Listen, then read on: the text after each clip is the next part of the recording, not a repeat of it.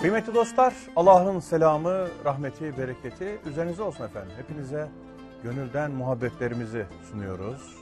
Ve bugün de İbret Aldın mı programımızla karşınızda olmanın kıvancını yaşıyoruz.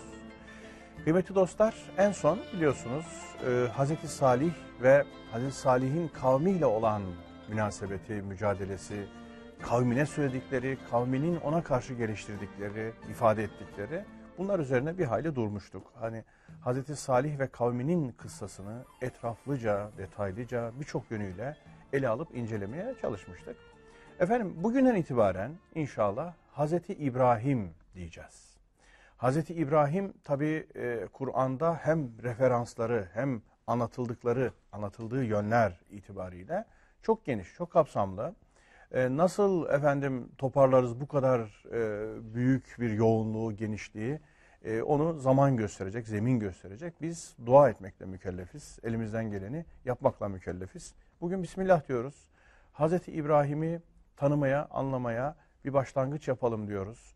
Hz. İbrahim'in kıssasının bütün yönlerini Kur'an'daki bütün referanslarıyla e, orta yere koymaya gayret edeceğiz. E, kıymetli Mehmet Okuyan hocamla beraber e, bu yolculuğu hep beraber inşallah sürdüreceğiz. Sizlerin de zaten ilgisi, alakası ortada. Bu konudaki hassasiyetiniz bizce de malum. İnşallah bu devam eder diyoruz. Bu temennilerle efendim hocama hoş geldiniz diyoruz. Teşekkür ederim Allah razı olsun. Nasıl Sağ keyifler haller? Elhamdülillah sağ olun. Siz nasılsınız? Hamdolsun. Çok teşekkür ederim. Çok sağ olun. Allah Eksik hamdinizi daim eylesin. Amin, inşallah. amin, amin. Hocam e, herhalde mübalağa etmedim. Hazreti İbrahim çok vüsatli, çok, Çok. kapsamlı. E, yani tam manasıyla bir sistem, bir sistematik uygulamak da mümkün değil. Değil. Nasıl e, çerçeve çizeriz o konuda benim de tabii suallerim var ama biraz da eski tabirle zuhurata tabi olmak lazım. Evet, evet. Yani şartlar Kervan yolda dizilir. aynı mantığıyla Başlayalım ondan başlayalım sonra inşallah. gelelim. ya, e, Rabbim işaret taşlarını geliştirecektir İnşallah. diye düşünüyoruz. Şimdi İnşallah. e, tahmin ediyorum bu ilk programda Hazreti İbrahim'in bazı temel özellikleri, vasıfları, Evet. özel nelerdir bunları e, bir e, genel girizgah olarak e, Hı hı. tayin edeceğiz. Yani Hazreti İbrahim'e çok genel bir başlangıç yaparsak, Hazreti İbrahim'in şahsında ön plana çıkan, kendisini gösteren temel özellikler nelerdir diye sorsak, böyle başlasak uygun Evet. olur mu? E, öyle başlayacağız. Hadi mecburen. bakalım. Sağ olun. Eyvallah. E, yani Hazreti İbrahim çok çok yönleriyle kendisine referans gösterilen bir peygamber. Aynı zamanda tabi Hazreti Peygamber'in de biyolojik bağı olması itibariyle sıklıkla ona göndermelerin yapıldığı ve ben kendisini tanıtırken de bir tevhid abidesi ifadesini kullanıyorum. Ee, tevhidi, tevhidin altyapısını, çok çeşitli noktalardaki tevhid gerekliliklerini, hayatın hemen her alanında tevhidin nasıl görünmesi lazım geldiğini ortaya koyan muhteşem bir peygamber. Çok zeki bir insan, çok muhakemesi yerinde bir insan. Zekaveti de ön plana çıkıyor. Evet, yani çok çok çok çok zeki bir muhakeme insan. türü itibariyle. Şimdi onu tanıtmak anlamında Kur'an-ı Kerim'de çeşitli sıfatları var Hazreti İbrahim'in. Oldukça da yoğun bir e, tanıtım bilgileri var. E, şu kadarını söyleyeyim. E, Hazreti İbrahim'le alakalı İbrahim ismi Kur'an-ı Kerim'de 69 defa geçiyor. E, bu 69 defa geçen ismin her geçtiği yerde şüphesiz böyle detaylı bilgiler yok. 15-16 surede detaylı bilgiler var. Yani Hz. İbrahim'in kıssasının çeşitli yönleri 15-16 surede anlatılıyor. İnşallah o surelerin hangi ayetleri arasında Hz. İbrahim'in kıssasının hangi e, kesitlerinin sunulduğunu uzun uzadıya kardeşlerime aktaracağım. Çünkü o kesitleri detaylandırarak inceleyeceğimiz programlarımız olacak şüphesiz ama genel bir bilgi vermesi itibariyle de Kur'an'da ne kadar geniş yer bulduğunu o surelerin ilgili ayetlerini kardeşlerime aktararak göstermiş olacağız inşallah. İnşallah. Şimdi Hazreti İbrahim bir tevhid abidesi diyoruz. Ee, o kitap mukaddes e, referanslarında ismi değişik kelimelerle anılan bir peygamber. İşte Avraham deniyor, Nehemya deniyor, Avram deniyor vesaire. Bizim literatürümüzde Hz. İbrahim'in Kur'ani referanslarda da tek adı var. O da İbrahim. Soy olarak çok net elimizde veriler yok. Ee, yani nasıl bir silsile ile nere kadar uzanıyor e, onun ceddi onu tam bilmiyoruz. Ancak bir işaret olarak Kur'an-ı Kerim'de Saffat suresinde Hazreti İbrahim'in Hazreti Nuh'un soyundan geldiği beyan ediliyor. İbrahim'in Nuh'un soyundan. Evet, Nuh'un soyundan geldiği beyan ediliyor ve inne min şiatihi ile İbrahim'e diye geçiyor. Onun e, soyundan gelenlerden biri de İbrahim idi. Saffat suresinin 83. ayetinde. Onun yani o 83'lü ayetlerin hemen öncesinde Hazreti Nuh'tan söz ediliyor. Hazreti Nuh'tan söz edilen ayetlerin hemen peşinden ve inne min şiatihi ile İbrahim'e onun soyundan gelenlerden biri de İbrahim idi ifadesi var. Soyuna dair Kur'ani referanslarla konuşacak olursak söyleyebileceğimiz tek şey budur. Hazreti Nuh'un soyundan geliyor. Kur'ani referanslarla yine beyan edecek olursak babasının adı bellidir.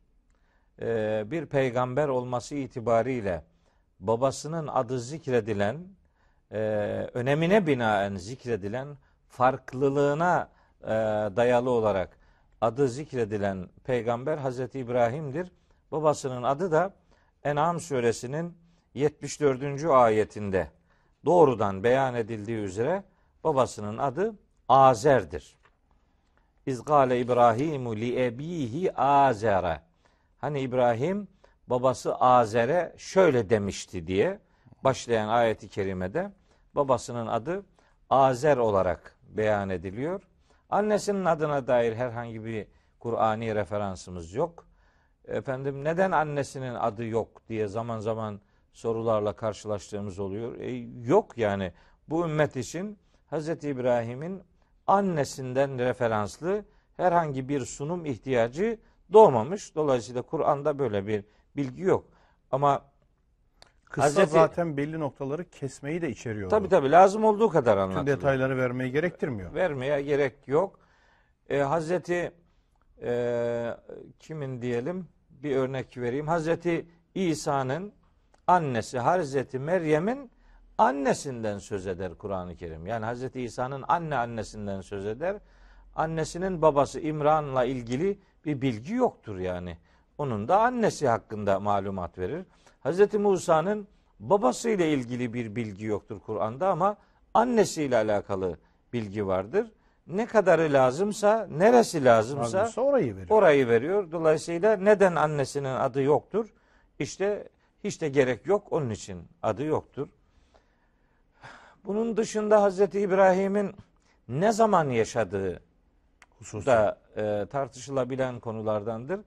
Gene çok net tarihi verilere sahip değiliz ama milattan önce 2000'li yıllar artık biraz öncesi biraz sonrası gibi düşünülebilir ama yani yuvarlak olarak öyle bir tarih Ki e, Bu hissediliyor. da söylenmediğine göre demek ki bu Çok da, da mühim değil. Çok da mühim değil. O da mühim değil. Tarihselliği mühim değil.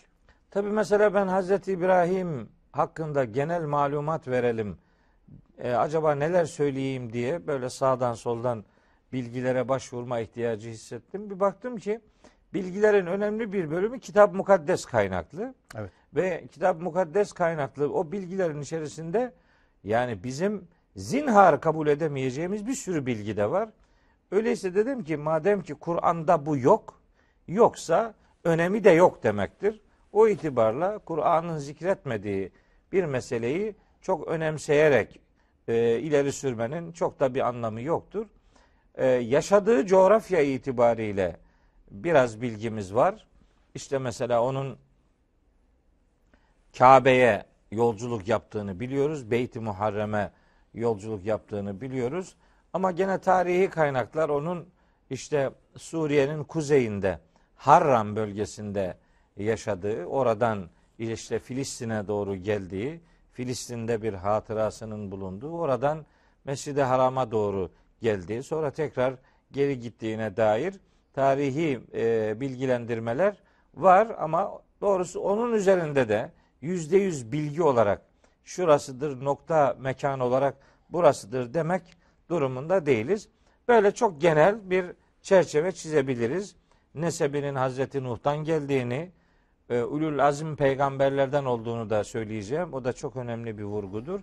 Babasının Azer olduğunu, Suriye, Kuzey Suriye, bugün Anadolu toprakları içerisindeki bu Harran bölgesinde e, yaşadığını, e, Beyt-i Muharrem'e doğru yolculuk yaptığını ve milattan önce 2000'li yıllar civarında yaşadığını bu vesileyle beyan ederek Hz. İbrahim dönemi ve onun e, biyografisi hakkında böyle kısaca birkaç nokta hatırlatmakla yetin, yetinmiş olalım.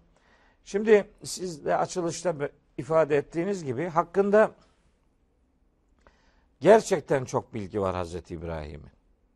Yani tabir caizse Kur'an'da böyle grup grup e, hangi ayetlere, hangi surelere bakarsanız bir yerinde Hazreti İbrahim'le karşılaşıyorsunuz.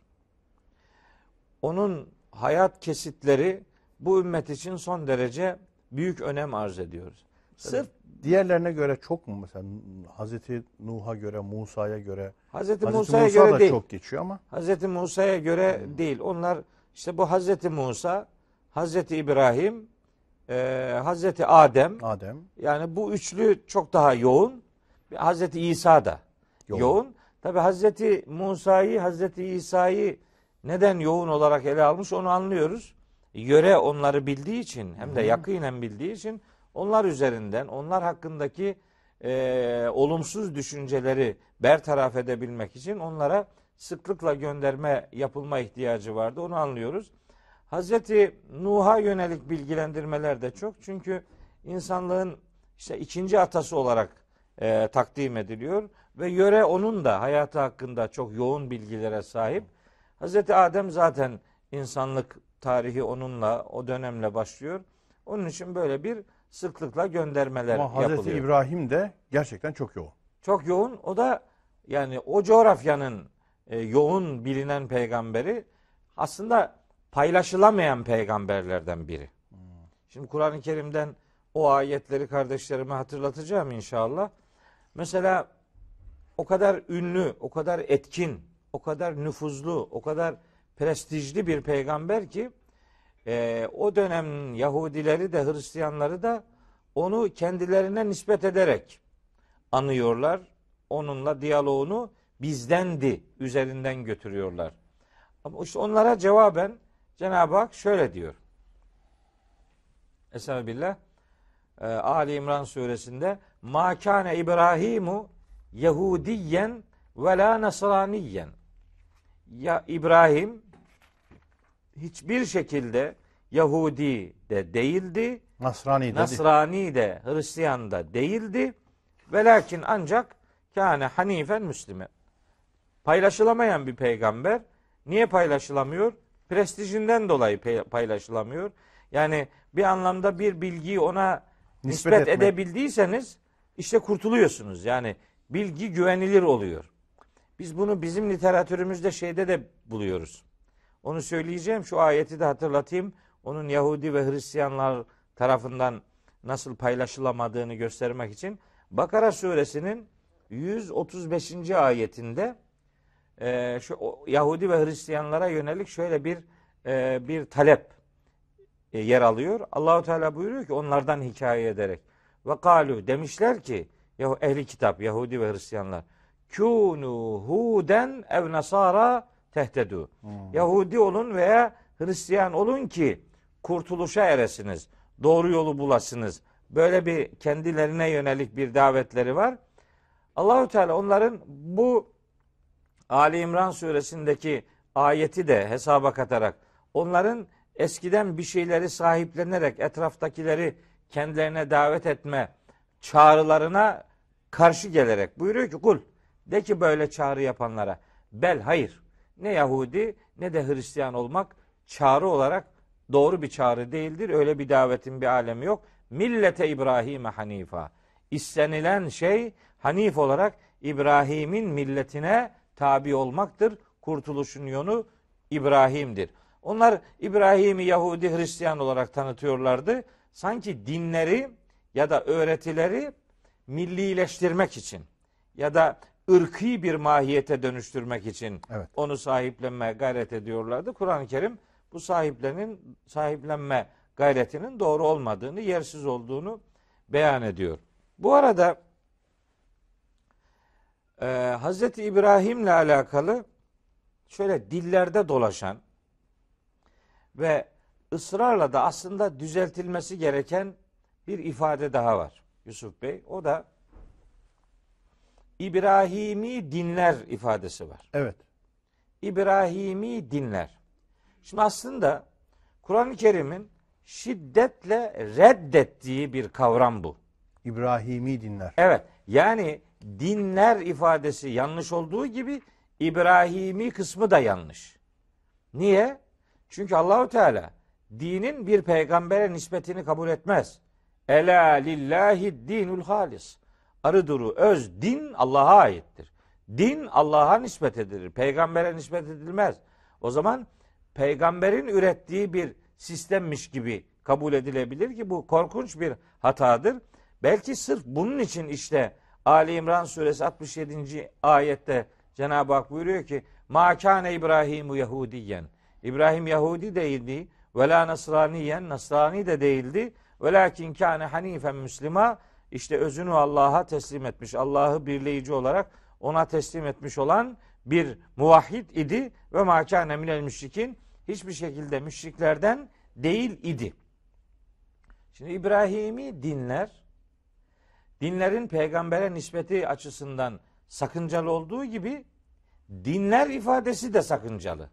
Çünkü Kur'an'ın referansında başka dinler diye bir ifade doğru kabul edilmez. Evet. Kur'an'a göre Adem peygamberden son peygamber Hazreti Muhammed'e kadar bütün peygamberlerin tebliğ ettiği bir tane e, din öğretisi vardır. Onun adı İslam'dır. Evet. Zaten Hazreti İbrahim'e de ısrarla Müslim kelimesini kullanıyor ki Allahu Teala onun adı da Müslümandı demektir yani. Hac suresinde de bu ümmetin ümmet olarak da sadece bu son ümmetin adının Müslüman olmadığı, önceki milletlerin de Allah'a teslim olanlarına Cenab-ı Hakk'ın Müslüman adını verdiği tasrih ediliyor, beyan ediliyor. Hac suresi 78. ayette. Huve semmâkumul müslimine min kablu ve fi hada. Allah size daha önceden de Müslüman adını vermişti. Şimdi de adınız Müslümandır.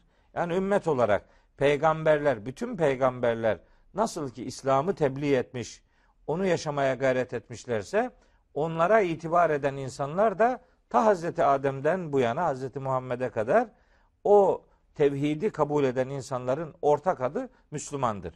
O itibarla dinler ifadesi yanlış, İbrahimi dinler tamlaması katmedrili yanlıştır. Yani İbrahim'i sahiplenmek. Böylece hani İbrahim peygamberden gelen Yahudilik, ondan gelen Hristiyanlık, Hristiyanlık ve ondan- onun soyundan gelen Muhammed'in aleyhisselamın tebliğ ettiği din İslam sanki üçü de aynı yerden geliyor ve üçü de aynı. Üçünün aynı yerden geldiği doğru da bu gelenlerin üç tanesi ayrı ayrı şeyler değiller. Onların ismi hepsinin ortak adı İslam'dır. Bunları üç isimle nitelendirmek sonra da bu üç ismi aynı değerde göstermek doğru değil. Çünkü bu bugün çok son derece istismar edilebilen bir Diğerlerinin de bozulmamış, tahrif olmamış Tabii. kısımlarını kastediyoruz. Aynen öyle. O zaman yani Hristiyan olarak da siz hakikat üzere olabilirsiniz. Yahudi olarak da e, bu e, bu istikameti sağlayabilirsiniz. Sonucu kaçınılmaz oluyor. Ama Kur'an-ı Kerim'in başka da- ayetlerine baktığınız Tabii. zaman bu da- olmaz. O da çok yanlış yani. Son Bu korkunç bir hata var burada. Kur'an-ı Kerim onların tabi olduklarını söyledikleri aslında onlara da tabi olmadıklarını beyan ettiği ayetlerinde işte bir kitabın tahrifinden söz ediyor. Kelimeleri yerlerinden ettiklerinden söz ediliyor. Yorumlarını bozduklarından söz ediyor. Hakikatleri gizlediklerinden söz ediyor vesaire. Hatta başka ayetlerde mesela buyuruyor ki İttebi'u ma unzile ileyküm min rabbikum. Siz Rabbinizden size ne indirilmişse ona tabi olun. Yani tabi olunacak şey Kur'an-ı Kerim'dir. Tabi olunup örnekliğine müracaat edilecek peygamber Hz. Muhammed'dir sallallahu aleyhi ve sellem. Önceki peygamberlerin hayatlarından da örneklikler alırız da peşine gidip tabi olacağımız, tebliğ ettiği dini referanslar bozulmamış olan kitabı bütünüyle ümmetin elinde sapasağlam bulunan yegane kaynak Kur'an-ı Kerim'dir. O itibarla Kur'an'ı Tevratlaştırmaya, İncilleştirmeye, Zeburlaştırmaya dönük bir faaliyet çok büyük bir yanlıştır ve bu itibarla yani onlar da doğrudur derken onların durumu neyse Kur'an'ın durumu da oraya düşeceği gerçeği göz ardı ediliyor. Evet. Yani çünkü Kur'an onlara bozulmuş ifadesini kullanıyor. Hatta mesela İsra suresinin 9. ayetinde e, tercümelerde genellikle hatalı olduğunu düşündüğüm e, cümlelerin kullanıldığı İsra 9. ayette e, şöyle buyuruyor Rabbimiz Estağfirullah. İnne hadel Kur'ane yehdi lilleti hiye akvamu. Muhakkak ki bu Kur'an işte akvam olan yola iletir. Akvam tercümelerde en doğru, en kaim, en istikametli, insanı hakikate götüren en isabetli yol gibi ifade ediliyor. Hani ilk etapta sorun yokmuş gibi görülüyor olsa da bence mahza sorun olan bir tercümedir bu. Çünkü En. en doğru dediğiniz zaman Doğrular var. Ah başka doğruların da var olduğunu söylemiş oluyorsunuz. İşte o zaman Yahudiliğin de Hristiyanlığın da bu bozulmuş haliyle e, aslında bir hakikat e, örnekliği oluşturduğunu söylemiş oluyorsunuz. Oysa Fahrettin Razi'ye rahmet okuyalım. Fahrettin Razi diyor ki bu tür ismi tafdil ifadeleri o akvem Arapçada ismi tafdil, tafdil. kalıbıdır. En göreceli, komprehensif denen işte böyle derecelendirme manası verir. Bunlar Allah için ve. Kur'an için kullanılmaz. Allah için mesela Allahu Ekber ifadesi En büyük demek değil. en büyük demek en büyük demek tam da müşriklerin demek istediğidir. Çünkü onların telbiyesi vardı. Biliyoruz biz bunları. O yüzden tek büyük. Tek büyük gerçek büyük. Yani Allah için o derecelenmeyi kullanmamamız Kullanmamak lazım. Kur'an için de aynı şekilde. Aynen öyle. Öyleyse Kur'an-ı Kerim en doğru yola ula- ulaştırmıyor. Tek doğru yola ulaştırıyor. Daha önceki Tevrat'ın da İncil'in de aslında geçerlilik şartı Kur'an'a uygunluğuna bağlıdır. Kur'an'a uygunsa denilen doğrudur. Kur'an'a aykırıysa Ki muvafık yanlış. kısımlarına diyecek bir şeyimiz yok. Hani tahrif olunmamış kısımlarına hiçbir şey Hepsi diyeceğim. tarif olduğu da iddiasında değiliz Değiliz zaten. Değiliz zaten tabii. Ama şunu da yapmamak lazım. Şimdi mesela Kur'an-ı Kerim'deki herhangi bir ayetin mesajı her ne ise mesela onu Tevrat kitap mukaddesten referanslı hale getirme gayretlerine de bir anlam vermek Yok. mümkün değil. O tehlikeleri içinde barındırıyor. Şapla şeker birbirine karışabilir. Karışıyor. O zaman Kur'an İnsanların şimdi zihninde karışabilir en azından. tabi Kur'an-ı Kerim musaddık bir kelime. Ki- Kitap. Tasdik ediyor. Neyi tasdik ediyor? İşte kendinden önceki kitapları tasdik ediyor. İyi de Kur'an onları tasdik ediyor. Onların tasdike ihtiyacı var. Kur'an'ın tasdike ihtiyacı yok. Onlar Kur'an'a uygunsalar doğrudurlar. Kur'an onlara uygunsa doğrudurlar. Yargılaması doğru bir yargılama biçimi değildir. Çok güzel. Onları Kur'an'la tasdik etmekle onlar aracılığıyla Kur'an'ı tasdik etmeye çalışmak arasında dağlar uçurum, kadar uçurum var. var. Uçurum var. Bu yani. ikisi çok büyük kırılmaları da doğuruyor. Evet. Yani sanki Kur'an kendi başına bir e, sadakat, bir doğruluk ortaya koyamıyormuş. Diğerlerinin takviyesine ihtiyacı varmış gibi. gibi oluyor. Olmaz. Ya, ya da işte bu İbrahimi dinler ifadesi evriliyor. Bu onu doğruluyor, o bunu doğruluyor. O üçü de aynı. Hat, işte bir yerdeydi. Yani Bu çok, neresiydi? yani yanlış anlamayın. İlahiyat camiasında filan bunlar çok kullanılıyor. Maalesef. Ya ben mesela Roger Garaudy'den falan biliyorum. O tür kitaplar da yayınlandı. Yani bu, bu alanda yayın bir zamanlar çok daha bu e, işleniyordu. Belki o dönemki konjonktür icabı, bazı fikirler, düşüncelerin e, yayılması, e, topluma e, yaygınlaştırılması için kullanılan bir proje gibi sanki hissediyorum yani o dönem. Çünkü ciddi anlamda dillendirilmişti. Bunun üzerine e, çabalar, çalışmalar ortaya konuluyordu.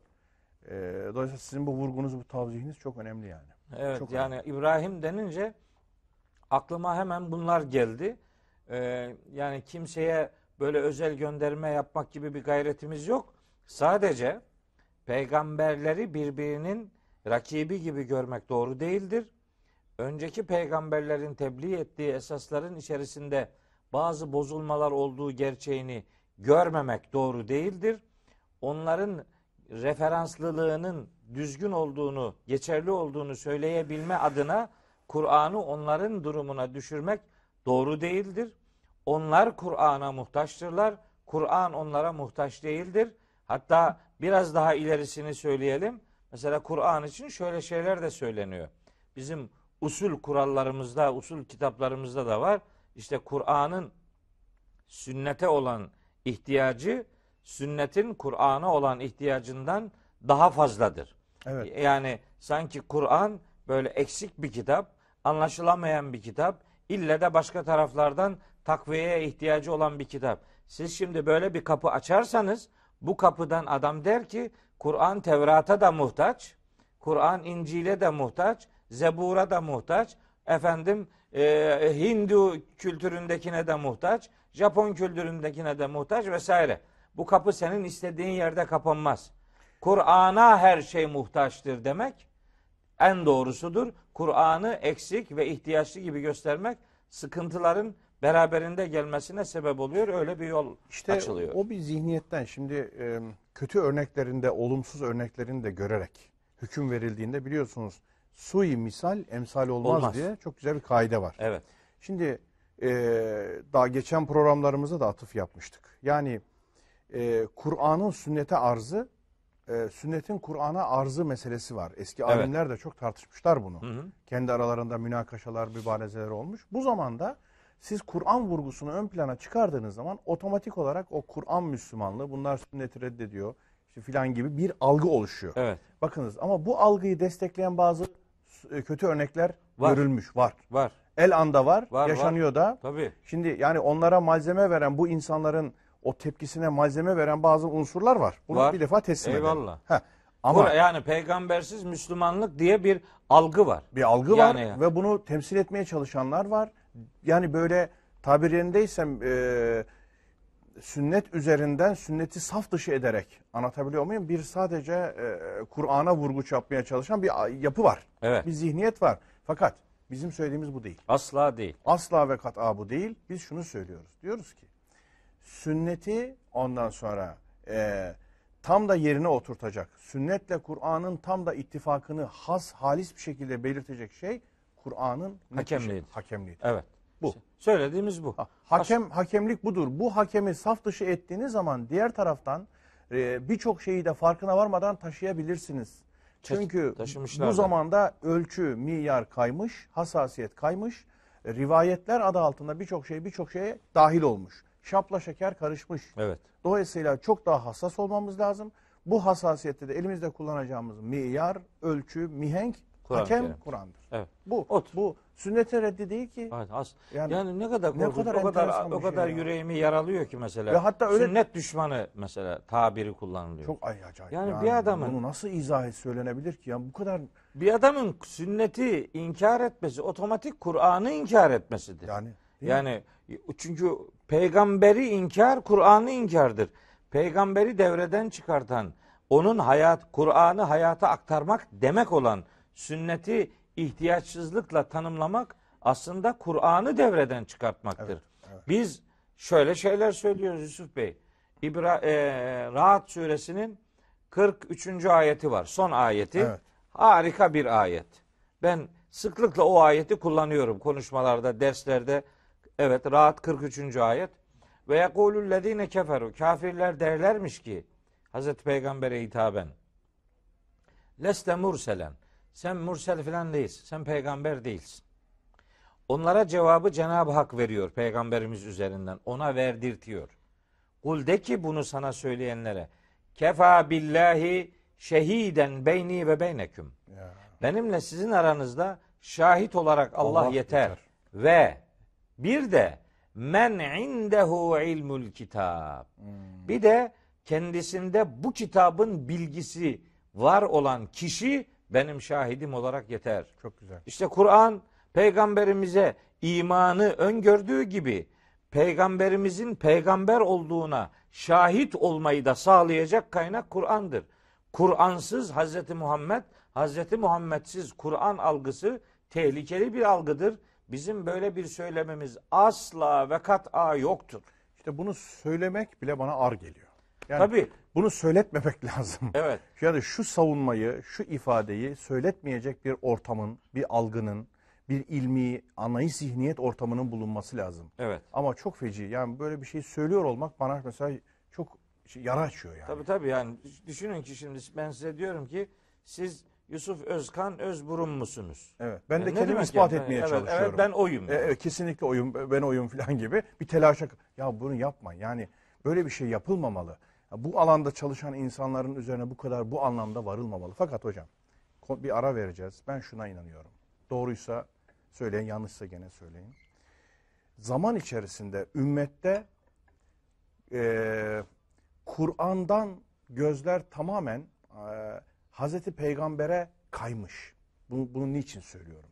İlmi esaslar, ilim, irfan temeli ortadan çekilince, zemin ortadan kalkınca, daha çok taklit ortaya çıkınca insanlar şahıslara yapışır.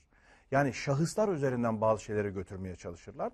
Bu arada da Hazreti Peygamber'in şahsına, bakın sünnetine, Hazreti Peygamberle beraber gelene, onunla beraber mutlaka ele alınması gereken Kur'an'a değil, şahsına, şahsi fezailine, şemailine bunlara ilgi kayınca böyle bir kişisel yüceltme durumu söz konusu olmuş. Dini duygular bunun üzerinden telafi edilmeye çalışılmış. Şimdi bu bir gelenek olarak gelmiş. Bakınız kutlu doğumlarda mesela Kur'an'la peygamberin münasebetini anlatan kaç kişi vardır? Yani Kur'an'ı Pek yok. peygamberin şahsında, peygamberin şahsında da Kur'an'ı temsil edecek şekilde yoğuran, anlatan bir algı yapısı. Bunun yerine efendim peygamber efendimizin faziletleri vesaire bunlar var, yok demiyorum. Fakat vurguyu nereye yapıyoruz?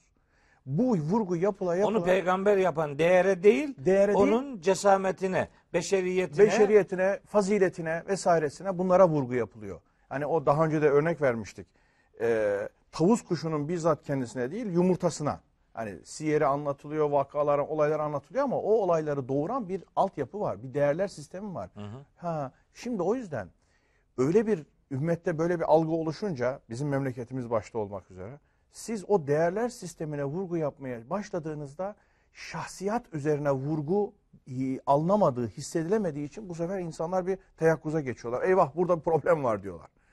Anlatabiliyor Yani çünkü siz Ya da bir de aslında peygambere karşıtlıkmış gibi karşıtlıkmış gibi. Çünkü peygamberin şahsiyetine aşırı vurgu yapma.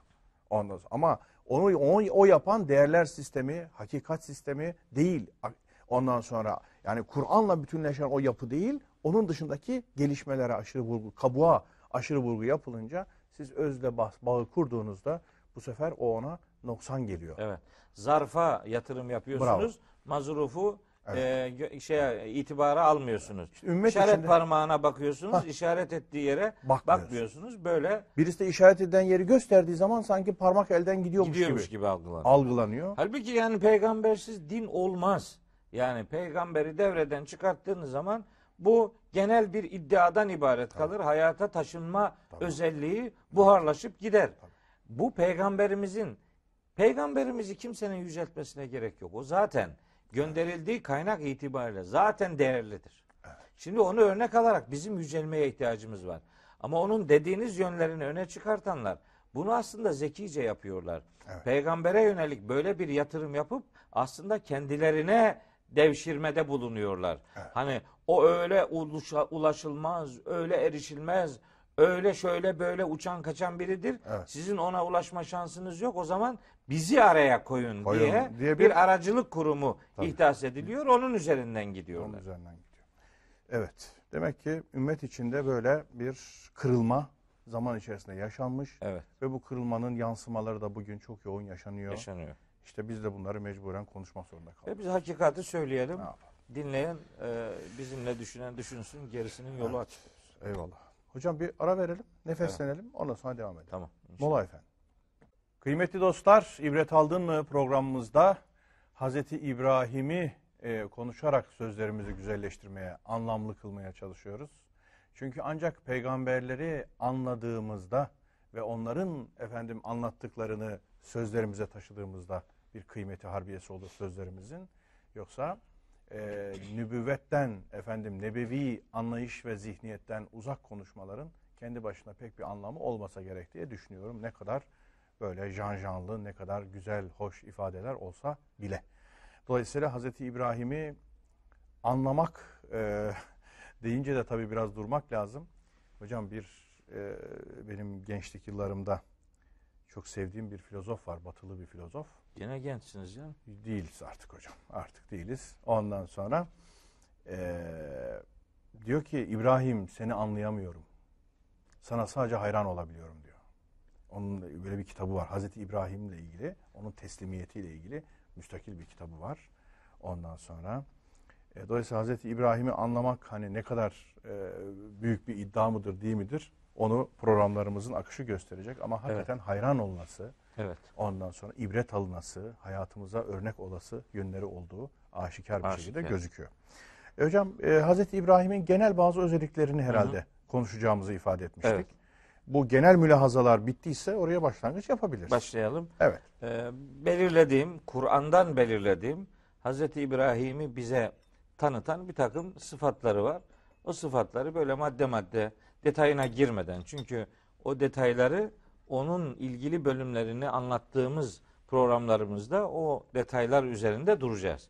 Şimdi sadece bir genel malumat verelim. Hazreti İbrahim'i Kur'an'ın nasıl bize tanıttığını ortaya koymaya gayret edelim. Böyle genel bir çerçeve çizme amacıyla bunu söylüyorum. Bir, Hazreti İbrahim, birinci bölümde de söyledim. Hazreti Nuh'un soyundan gelen bir peygamberdi. Yani e, onun silsilesi öyle ya da böyle babası Azer olsa da daha uzak atalarının bir peygambere ulaştığı anlaşılıyor. Şöyle bir e, algı var Yusuf Bey. Bir putperest adamdan ya da put ustası olarak biliniyor bu Azer. Evet. Böyle bir adamdan peygamber olur mu? Olur mu? Şimdi onun üzerinden bu defa başka bir söylem geliştirmişler. Evet. Azer onun babası değil, amcasıydı deniyor. Amcasıydı. E, Öyle teviller var. Öyle teviller. Halbuki bir peygamberin peygamber olmasının yani bedenen birine doğrudan bağlılığıyla alakası yok ki. Ona bakarsanız Hazreti Nuh'un oğlunun durumu peygamberden öyle çocuk olmaza işi götüreceksiniz. Bu da e, sizi Bunlar- cevapsız bırak. Gerek yok. Gene böyle düz şeyler. mantık bunlar. E, düz mantık, Yani lüzumsuz. Abartmanın gereği yok. Yani bir insan e, tercih edemediği şeylerle övünemeyeceği gibi o şeylerden dolayı kınanamaz. da. Yani niye erkeksin, niye kadınsın, niye şu zaman doğdun, niye şu ırktansın, niye, Niye şu babam coğrafyadasın? putperest? Niye sen peygamberin oğlusu da böylesin? Ha, gibi. Falan Yani denilemez. Böyle böyle Alimden zalim, zalimden alim doğar. diye özetlemişler bunu. Tabii. Evet. E, aynen öyle. Dolayısıyla böyle babası Azer değildi, amcası Azer'di mantığını ortaya koymaya gayret ettikleri bu yaklaşım doğru bir yaklaşım değil. Hazreti Nuh'un soyundan geliyor. Kur'ani referansı var. Onu beyan etmiş olalım. Bir. İkincisi Hazreti İbrahim şimdi çok önemli bir şey söyleyeceğim. Bir süre sonra bu söyleyeceğim şey çok çok fazla işimize Yarayacak. e, yarayacak. E, şimdilik sadece değinerek geçiyorum ama En'am suresinin 74 ila 83. ayetlerini Hazreti İbrahim'le alakalı olan o pasajı aktarırken bu ayete orada da gönderme yapacağım ama şimdilik buradan söyleyeyim. Hazreti İbrahim için Cenab-ı Hak buyuruyor ki Enbiya suresinin 51. ayetinde Estağfirullah. Ve lekad ateyna İbrahim'e rüştehu biz İbrahim'e bir muhakeme, bir erişkin, bir yetişkin, rüşt, reşitlik, Yani hakkı hakikatı görebilme yeteneği vermiştik. Ne zaman? Min kablu. Daha önce. Yani risaletinden önce de Hz. İbrahim'in muhakemesi Allah tarafından verilmiş özel düzenekli, özel yetenekli bir mahiyet arz ediyordu. Ve künna bihi alimin. Biz onun durumunu çok iyi biliyorduk. Diyor Allahu Teala. Orada rüşt kavramı geçiyor. Evet evet. Min kablu ama. Rüşdehu Rüşdehu min kablu. min kabli. Daha önce. Hı. Daha önce Haz- Hazreti Yahya gibi. Evet. Ve hananen milledünne ve zekaten. Ya Yahya hudil kitabe ve ateynahul hükme sabiyya. Ona daha sabi iken muhakeme gücü vermiştik. Ve hananen milledünne ve zeka. Yani bazı peygamberlere böyle önceden verilen bir takım ayrıcalıklı özellikler var. Orada hüküm kullanılıyor, burada rüşt kullanılıyor. Rus kullanılıyor. O bir muhakeme gücü ama onun Hz. Yahya ile ilgili Kur'an'da öyle detaylı bilgiler yok. Evet. Yani onu içini nasıl doldururuz? Hangi olaylarda mesela ne oldu da o böyle muhakemesiyle anılıyor? O detayı bilmiyoruz. Fakat Hz. İbrahim'le alakalı bu bize çok lazım. Evet. Çünkü bunun üzerinden adeta bir edebiyat geliştirilmiş. Bu ayet bence dikkate alınmadığı için. Ne olmuş? İşte aya, yıldıza bakmış, Aha, aya, aya, bakmış, bakmış, güneşe, güneşe, bakmış. de bakmış, öyle benim demiş, böyle demiş filan. Böyle yani salt bakarak sanki bir yıldızı ilk defa görmüş gibi, bir ayı ilk defa e, görmüş, güneşi ilk defa görmüş gibi. E, madem bak battı ben bunu sevmiyorum filan gibi La böyle şeyler söyleniyor meselesi. Yok. Böyle önceden kendisine muhakeme verilmiş, rüşt verilmiş bir peygamberin böyle e, gezegenlere, yıldızlara bakarak demek buymuş, muymuş filan gibi bir ifade kullanmış olması e, kanaatimce. Benim bakışım bu. Bu bu ayeti görmeden o ayetin metinsel ifadelerinden hareketle sadece o metinsel yazıdaki ifadeden hareketle geliştirilen bir söylemdir bu. Halbuki unutulmamalıdır ki vahiy sözlü bir aktarımdır. Yani bu yazılı gelmedi. Cebrail aleyhisselam Hazreti Peygamber'e böyle matbu bir şekilde levhalar halinde filan vermedi bunu. Öyleyse bunun söyleniş biçimi maksadını ortaya koyacak. O ayetleri incelerken söyleyeceğiz yani. Hada Rabbi. Bu benim Rabbim. Dir. Hada Rabbi. Yani Arapça cümlede Bu benim Rabbim. bir, evet bu biri müpteda biri haber. Bu benim Rabbimdir. Ama bu benim Rabbimdir ifadesini böyle söylerseniz bu düz cümle olur. Bu benim Rabbimdir Ha? diye böyle derseniz vurguyu bu üzerine Rabbim üzerine verir de ses tonunuzu değiştirirseniz Mana bu değişir. benim Rabbimmiş öyle mi? Dersiniz bu defa muhakemeli İbrahim'in sözünün öyle olabileceği sonucunu elde edersiniz. Tabi orada başka söyleyeceklerim de var. O En'am suresinin o 74. ayetinden bir önceki ayet var. 73. ayet var. 72. ayet var. Oralardan bağımsız bakılıp da Hz. İbrahim güya aklını çalıştırarak yıldıza bakmış sarmamış, aya bakmış sarmamış, güneşe bak sanki yıldızı ayı ilk defa görmüş gibi. Ondan sonra bunlar madem olmadı öyleyse başka bir şey arayayım diye aklını çalıştırarak hakikate ulaşmış bir adam gibi sunuluyor. Bizim kelami bakış dünyamızda böyle şeyler var. Ben onların bu ayetten bağımsız geliştirilen bir takım yakıştırmalar olduğu kanaatindeyim. Yani şunu mu demek istiyorsunuz? Bu ayette ayeti göz ardı ederek o ayetin ayetlerin zahirine dışına bakarak bu ifadeleri kullanırsak Heh. zekaveti, muhakemeyi Hazreti İbrahim'in bizzat kendisine atfederiz. ederiz. Kendinden menkul bir şey gibi görürüz. görürüz. Hatta çok da iyi bir şekilde onda olmadığını. Hmm. Yani yani çok zeki bir bir İnsan. adam her gün her gece gördüğü yıldıza aya Tekrar bakıyor. e, yani Bir bir daha daha, bak. bakınca böyle bir sonuç elde ediyor. Yani bu çok zeki bir görüntü vermez. O ayetlerin öncesindeki bir işaret de bu ayetteki ona daha önceden de rüşt, erişkinlik, yetkinlik vermiştik ifadesi oradaki e, söylemin A, Vermiştik. e, ayeti bir de orijinal okur ve musun? lekad ateyna Ateyna tamam. Aa, vermiştik, muhakkak vermiştik. İbrahim'e rüşdehu, onun olgunluğunu, yeş- Tamam. yetkinliğini min kablu daha önceden vermiştik. Daha Ki önceden sah- ata bir şeyin karşılıksız verilişini Verilme, gösterir, ilgi, evet. ifade ediyor. Ee, doğrudan doğruya e, peygamberliği öncesinde böyle bir özelliğin, hasiyetin kendisine verildiğini söyleniyor. Evet öyle. Hazreti Yahya ve ya Sabi iken verilen muhakeme gibi Muhakeme bir şey bu. gibi. Yani dolayısıyla e, bir belli bağlantılar yaparak belli kanaatler ortaya koymak durumundayız. İnşallah En'am suresinin o ayetlerini konuşurken biraz daha onun Tamam. üzerinde Bunu duracağız. aldık koyduk. Şimdi bu bir kaydı ihtirazi. Evet. Burada bir ünlemimiz var. Bunu dursun. Dursun. O Dursun. lazım olacak. Lazım bize. olacak. İşimize bakacağız. Peki. Evet. Ee, biri bu. Bir diğeri Hazreti İbrahim ulul azm peygamberlerden biridir Kur'an'a göre. Nereden biliyoruz bunu? Bu ulul azm ifadesi e, Ahkaf suresinin son ayetinde geçiyor. Fasbir kema sabara ulul azmi miner rusul. Sen peygamberlerden azim sahibi olanlar gibi e, tebliğinde dirençli ol, sabırlı ol, kararlı ol, ısrarcı ol. Şimdi orada peygamberlerden ulul azm olanlar. Hemen buradan ifade edelim. Bunu bazen ulul azim diyorlar. Ulul azim değil. Değil. Ulul azim diye bir ta- tamlama yok. Yok. Azm. Olmaz zaten. Ulul azmi, ayin bu. Azmi, azimde z harfi vardır. Burada z harfi vardır. Ulul azm, azim sahibi peygamberler. Peki bunlar kimdir? Orada bir açıklama yok.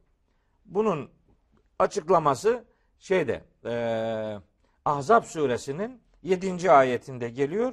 Orada buyuruyor ki Rabbimiz Estağfirullah ve yakazna minen nebiyyine misakahum biz bütün peygamberlerden ahit aldık, söz aldık.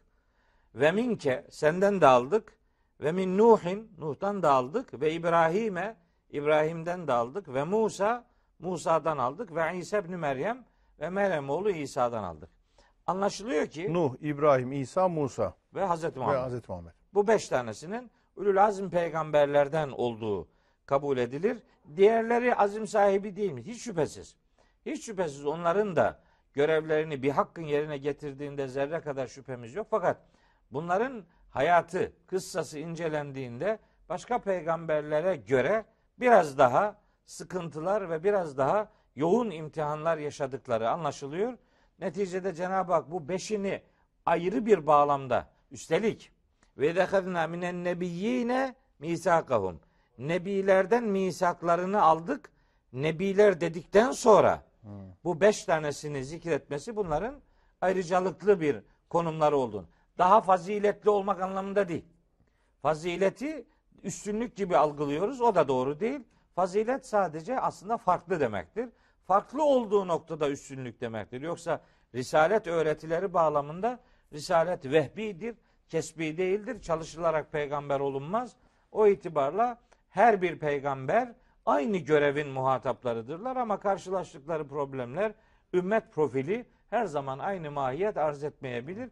O itibarla farklı oldukları noktalarda üstün olabilirler ama görev itibariyle peygamberler birbirinden ayırt edilmemelidirler. Bu doğrudan Kur'an'da üç ayetle doğrudan bize beyan ediliyor. La nüferriku Beyne. ahadin min rusulihi Allah'ın peygamberleri arasında herhangi birini diğerinden tefrik etmeyiz, ayırt etmeyiz. Biz hepsinin bir kemal haliyle görevini yaptığına zaman inanırız. bir cümleye söylesek ulul azmi nasıl anlayacağız? Azim sahibi yani kararlılık sahibi sıkıntılara karşı Dirayetli. sabır sabır ortaya koymuş. O Ahkaf suresinin 35. ayetindeki vurgu sabır vurgusudur.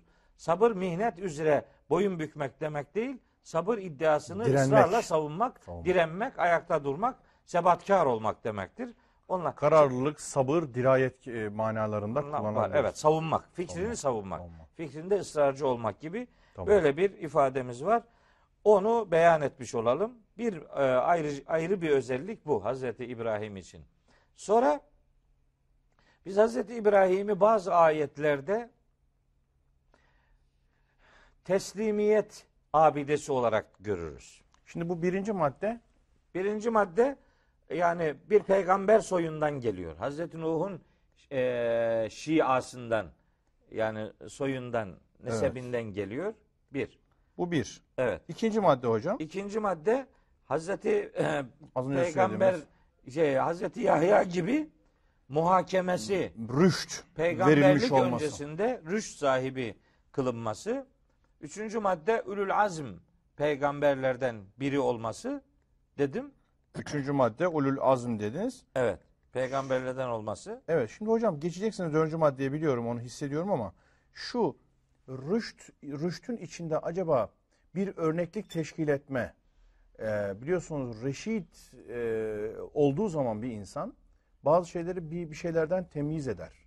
Ondan sonra e, acaba e, bazı insanlara o rüştüyle yol gösterme, sembol olma, mürşitlik tırnak içinde yapma özelliğini de ifade eder mi bu içinde barındırır mı diye e, geçiyor. Küçük yaşta olmasına rağmen hani peygamberlik öncesinde olmasına rağmen Onu böyle bir vasıf. Çünkü biliyorsunuz kavminin önde gelen uyandırıcılarından birisi. Küçük yaşına rağmen putlarla küçük yaşta mücadele ediyor. evet. 13-14 falan diye tefsirlerde bazen veriliyor.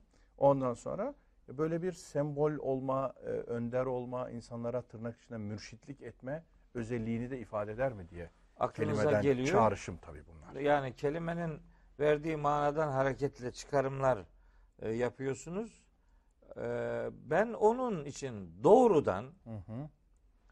e, Hazreti İbrahim için, Hazreti Peygamber için kullanılan üsve-i hasene tamlaması İşte var. evet. O tamlama ayrıca e, Mümtehine suresinin Evet. ve altıncı ayetinde o tamlama kullanılarak o zaten söz konusu ediliyor. Hmm. Kad kânet leküm üsvetun hasenetun fi İbrahim'e. Allah Allah. Aynısı var. Güzel. Onu orada söyleyecektim yani. Bir dokuzuncu maddeydi benim Tamam. sıralamamda. Ama siz vurguyu şuna yaptınız. Yani peygamberlik öncesinde de Öncesinde bir de reşit olma, bir sembol olma e, Evet, özelliği, özelliği olabilir mi? olabilir mi? Olabilir. Çünkü gerçekten çocuk yaştaki muhakemede bu putlarla ilgili yaptığı atraksiyonlar anlaşılıyor ki peygamber olmadan önceki cesarette, muhakemede değil mi? Ön plana öne atılmada çok büyük bir cesaret. Hani putları kırıp da büyük Evet. putun başına takma. tabii baltayı, Baltayı. getirip onun koluna takma. Büyük yani cesaret. bir farklılık hem cesaret hem bir farklılık bir muhakeme e, bir akıl yürütme e, özelliği işte onu rüşt kelimesiyle Hmm. karşılayabiliriz. Evet. Örnekliği de üsve-i hasene olarak ifade e, edeceğiz. bir- he, bir- biraz daha sonra ifade edeceğiz inşallah. Tamam. Nuh'un şiası, rüşt, ulul azm oluşu dördüncü Evet, maddemiz. dördüncüsü bir teslimiyet abidesi. Evet. Ona Cenab-ı Hak Bakara suresinde buyurduğu gibi İz kâle lehu rabbuhu eslim. Rabbi ona eslim demişti. Eslim İslam ol yani teslim ol teslimiyet içerisinde bulun deyince kâle eslemtu li rabbil alemin. Allahu Teala'nın bana teslim ol demiş olmamasına rağmen İz kâle lehu rabbuhu eslim li mesela öyle demiyor. Demiyor. Eslim. Eslim, teslim ol. İslam ol. Teslimiyet sahibi ol deyince Hz. İbrahim bunu Cenab-ı Hakk'ın ondan aslında neyi istediğini muhakemesiyle kavrayarak Kavrayarak, çıkarımlar yaparak, çıkarımlar yaparak işte rüştün sonucu rüştün sonucu bunlar. bunlar. Diyor ki eslemtü leke demiyor bu defa. Hmm. Eslemtü li rabbil alemin. Alemlerin Rabbine teslim oldum. ifadesi işte rüştün bir peygamberde aslında ne manalar e, ürettiğini, nasıl açılımlar getirdiğini ortaya koyan muhteşem bir ifadedir Hazreti İbrahim için. Rabbime teslim oldum da demiyor. Demiyor. Alemlerin Rabbine. Rabbine teslim oldum. Yani Şimdi orada alemlerin deyince işte o söylediğiniz e, güneş, ay Ha, orada Mes- da orada da orada, da işte. diyor ki. Kezelke nuri İbrahim'e melekûtes semavati vel ardı diyor orada. Hmm. O En'am suresinde. melekut. Melekut göklerin yerin melekutunu e, gösteriyoruz İbrahim'e diye. Hazreti İbrahim'in muhakemesi böyle yıldızlar ve gezegenler e, üzerinden harika sonuçlar üretebilecek bir muhakeme. Hocam sadece bir cümleyle mim koyuyorum. Belki ileride yine detaylı bunları açacağız. Çok geniş konuşacağız çünkü. Alemlerin Rabbini tanımadan, ona yönelmeden hakiki teslimiyet, hani geçen programlarımızda konuşmuştuk. Teslimiyetin e, bir yönü efendim e, taassuba çıkabilir. Körü körüne teslimiyetten bahsetmiştik. Bir de Hı. hakikaten fark ederek, anlayarak, idrak ederek, rüştle bir teslimiyet olduğunda bu da salabeti doğurur diye bir Evet. tahlil yapmıştık Hazreti Salih e, kıssasını konuşurken. Evet. Şimdi duyguyla duygululuk duygululuk bağlamında söylemiştik, söyle- evet. duygusallıkla duygululuk bağlamında söylemiştik. Şimdi burada Hazreti gerçek bir teslimiyet alemlerin Rabbine olan e, yakininizle alakalıdır diye bir kafamda bir tanım çıkıyor. Evet. Ben de şimdi Hazreti İbrahim'in yolundan giderek katkı olsun. mes- En'am suresinde o göklerin yerin melekûtüyle ilgili ayetin sonu ikan kelimesiyle Ha. bitiyor. Ve liyekûne minel muqinînle bitiyor. yani. Tam denk düştü. Tam da o işte yani. Evet. Ya bu yakinin oluşmasıyla ancak gerçek teslimiyet oluşur. Tabii. Yoksa gözünü kapayarak ben körü körüne kendimi teslim ettim diyerek Tabii değil. tabii. Teslim ol. O da ben teslim oldum demiyor. Demiyor. Demiyor. Başka bir şey Alemlerin söylüyor yani. Rabbine teslim oldum. Ya, diyor. Çok güzel yani bir nokta bu hocam. Emir ne? Cevap Hmm. nasıl bir şey? İşte rüştün devamı olarak, aklını kullanmanın devamı olarak. İşte sizin dediğiniz gibi o salabeti diniyenin yani fıtratın harekete geçmesi anlamında Hazreti İbrahim'in bu muhteşem cümleleri üzerinden bir söylem geliştirmek durumundayız. Yoksa bunları laf olsun diye söylemiyorum. Yani öyle, Aynen öyle. geçiştirelim üzerinden öyle değil ama yani. Ben böyle sosyal atıflar yapıyorum. Bu teslimiyet kavramının içinin boşalması ve teslimiyet kayması dediğim benim bir şey var da o yüzden söylüyorum. Ümmet içinde bunun da ben belli dönemlerde yaşandığını ve teslimiyetin tamamen e, bo- içinin boşaltıldığını ve bu anlamda idrak edilmediğini düşünüyorum. Doğru. Ve oradan da türeyen bir din algısı e, ve onun sosyal tezahürleri olduğu gibi bir kanaatim var. Doğru, haklısın. Teslimiyetin yanlış anlaşılması. Yani mesela- İbrahimi teslimiyet değil. Tabii tabii. Şimdi mesela, mesela bir şey diyorsunuz ona diyor ki yani din teslimiyettir. Evet. Ha? Yani din kafayı çalıştırmanı istemez. İstemez. Oraya eviriyor. Bu bir tam bir Hristiyanlık şeyidir hocam. Bakın Sen Augustinus diye bir e, Hristiyanların malum ondan sonra fikir babası, filozofu ve aynı zamanda doktrin kurucusu var. Aziz belki. E, Aziz e, Sen Augustinus ondan sonra onun temel şeyi şudur. E, yani e, inanıyorum çünkü saçma. Yani saçma olduğu için inanıyorum. Mesela deniliyor ki ya bir artı bir, bir, bir, bir, bir bunların hepsinin bir olduğunu söylüyorsunuz. Teslisin bir olduğunu söylüyor. Teslisi nasıl bir olarak ele alıyorsunuz dediğinde diyor ki saçma olduğu için inanıyorum diyor. Çünkü dinde akıl yürütme olmaz diyor. Ya Akıl diyor ondan sonra şeytanın diyor efendim gayrimeşru çocuğudur filan gibi bakıyor. Daha ağır bir tabir kullanıyor ben yumuşatıyorum. Şimdi aklı tamamen devre dışı bırakan, akıl kullanmayı kötüleyen bir e, Hristiyanlık algısı zamanında oluşmuş. Daha sonra bunu protestanlıkla falan yıkmaya çalışmışlar. Epey mücadeleler var. Şimdi demek istediğim bu işte. Teslim ol kardeşim. Din teslimiyettir. Allah böyle dedi bitti. Bakın bu son derece düz kontak, düz algı, dümdüz bakan bir zihniyeti doğuruyor. Ya. İbrahim'i teslimiyet, teslimiyet mesleği değil. tabii, tabii. Yolu değil. Şimdi çok şey söyleyeyim. Bir tane bir şey aklıma geldi. Siz o Augustinius'un ifadesini anlatırken. Din o kadar akıl dışı bir şeydir ki diyorlar. Evet. Mesela eğer din akılla mütenasip olsaydı biz bir defa akıllı olmayla akılcı olmayı, olmayı karıştırıyoruz. karıştırıyoruz. Karıştırıyoruz. Onun için her akli izahı Akılcılık sonucu gibi gibi, algılıyor. Böyle değil. O zaman efela takılun bu kadar. Aklınızı niye çalıştırmıyorsunuz ifadelerinin bir anlamı yok. Aklınız yoksa zaten dininiz yok. Aklınızı çalıştırmıyorsanız dini sorumlulukları reddediyorsunuz demektir. Bir de başka bir şey daha diyor. Aklınla anlayamazsın. Anlayamadığın şeyden zaten sorumlu, Sorumlu değilsin. Kusura ki. bakma. Evet. E, o iş bitiyor. Diyor ki mesela mest yapıyor ya mest. Evet. evet. Şimdi güya sanki sanki mest üzerine mesih yapmak sanki dinen çok doğru, çok doğru referansları olan bir şeymiş gibi güya. O orası da yanlış da sanki oradan bir şey çıkartıyor haklılık ortaya koymak için.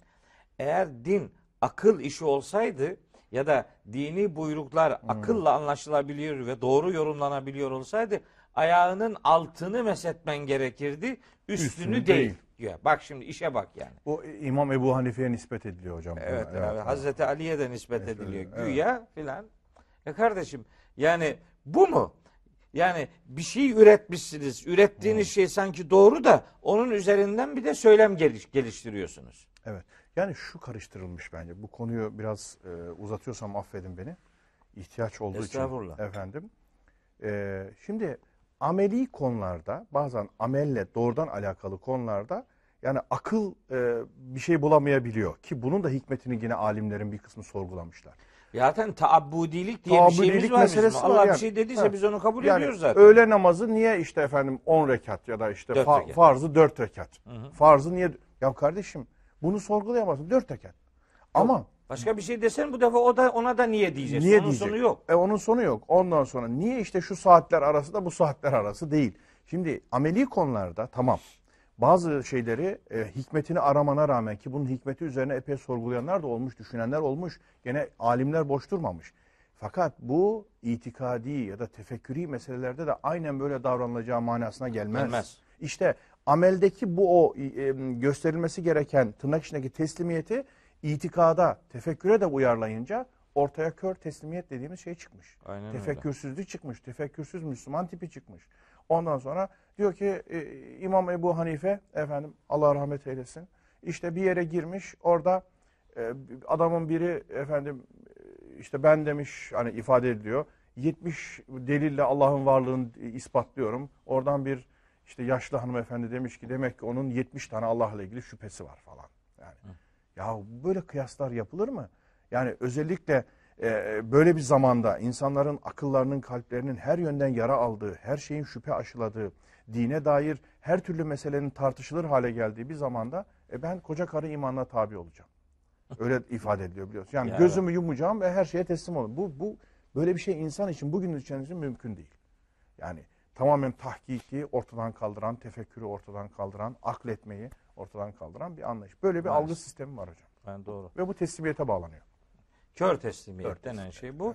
Kur'an'ın akılla ilgili şu kadar söylediği hakikati görmezlikten gelip bir de onun çok maharetli Tabii. bir yaklaşım olduğunu ortaya koyarak işte Hazreti İbrahim'den de işte böyle örnekler veriyorlar zaman zaman ama Hazreti İbrahim'in işte ikinci maddede sözünü ettiğimiz rüştünü, aklını kullanma e, ameliyesini, icdihadını, çabasını görmezlikten gelip onun teslimiyeti aslında nasıl anladığını ortaya koymadan işte demek ki bu böyledir. Allah'ın her dediğine bu böyledir derim. Herkes der. Ama benden bu böyledir dememi istediği şeyler Allah'ın sözleri değil. İnsanların görüşleri. İnsanların görüşlerini Allah'ın sözüymüş gibi, gibi. aktarıp da Allah'a gösterdiğim teslimiyeti İnsana. adama göstermemi istiyor. Böyle bir duruş ortaya koyamam. Bu Allah'ın gö- sözlerini, emirlerini beşerin görüşlerine indirgemek sonucunu getirir. Tabii. Buna kimsenin hakkı yok. Aynen öyle. İnsana ait bir görüşse onu Allah'ın kitabıyla karşılaştırarak kabul etmek ya da reddetmek durumundayız. Bu, bu, bu teslimiyet dışı bir tutum değildir. Değil. Değildir. Bizim teslim olacağımız, kayıtsız şartsız teslim olacağımız kaynak ve kudret Cenab-ı Hak'tır ve onun buyruklarıdır. Bunun dışında onun emrettiği şeylerdeki e, efendim acaba hikmetler nelerdir? Bunun sonuçları nelere bali olur türünden yaklaşımları da neticede düşünerek buluruz. Bugün buluruz, bulamayız. Bugün bulduğumuzun bir adım ötesini yarın buluruz. Biz bulamayız, başkası bulur vesaire. Bu kullukta herhangi bir tereddüt ortaya koyabileceğimiz meşruiyetini vermez. Sizin o ayrımınız harikaydı.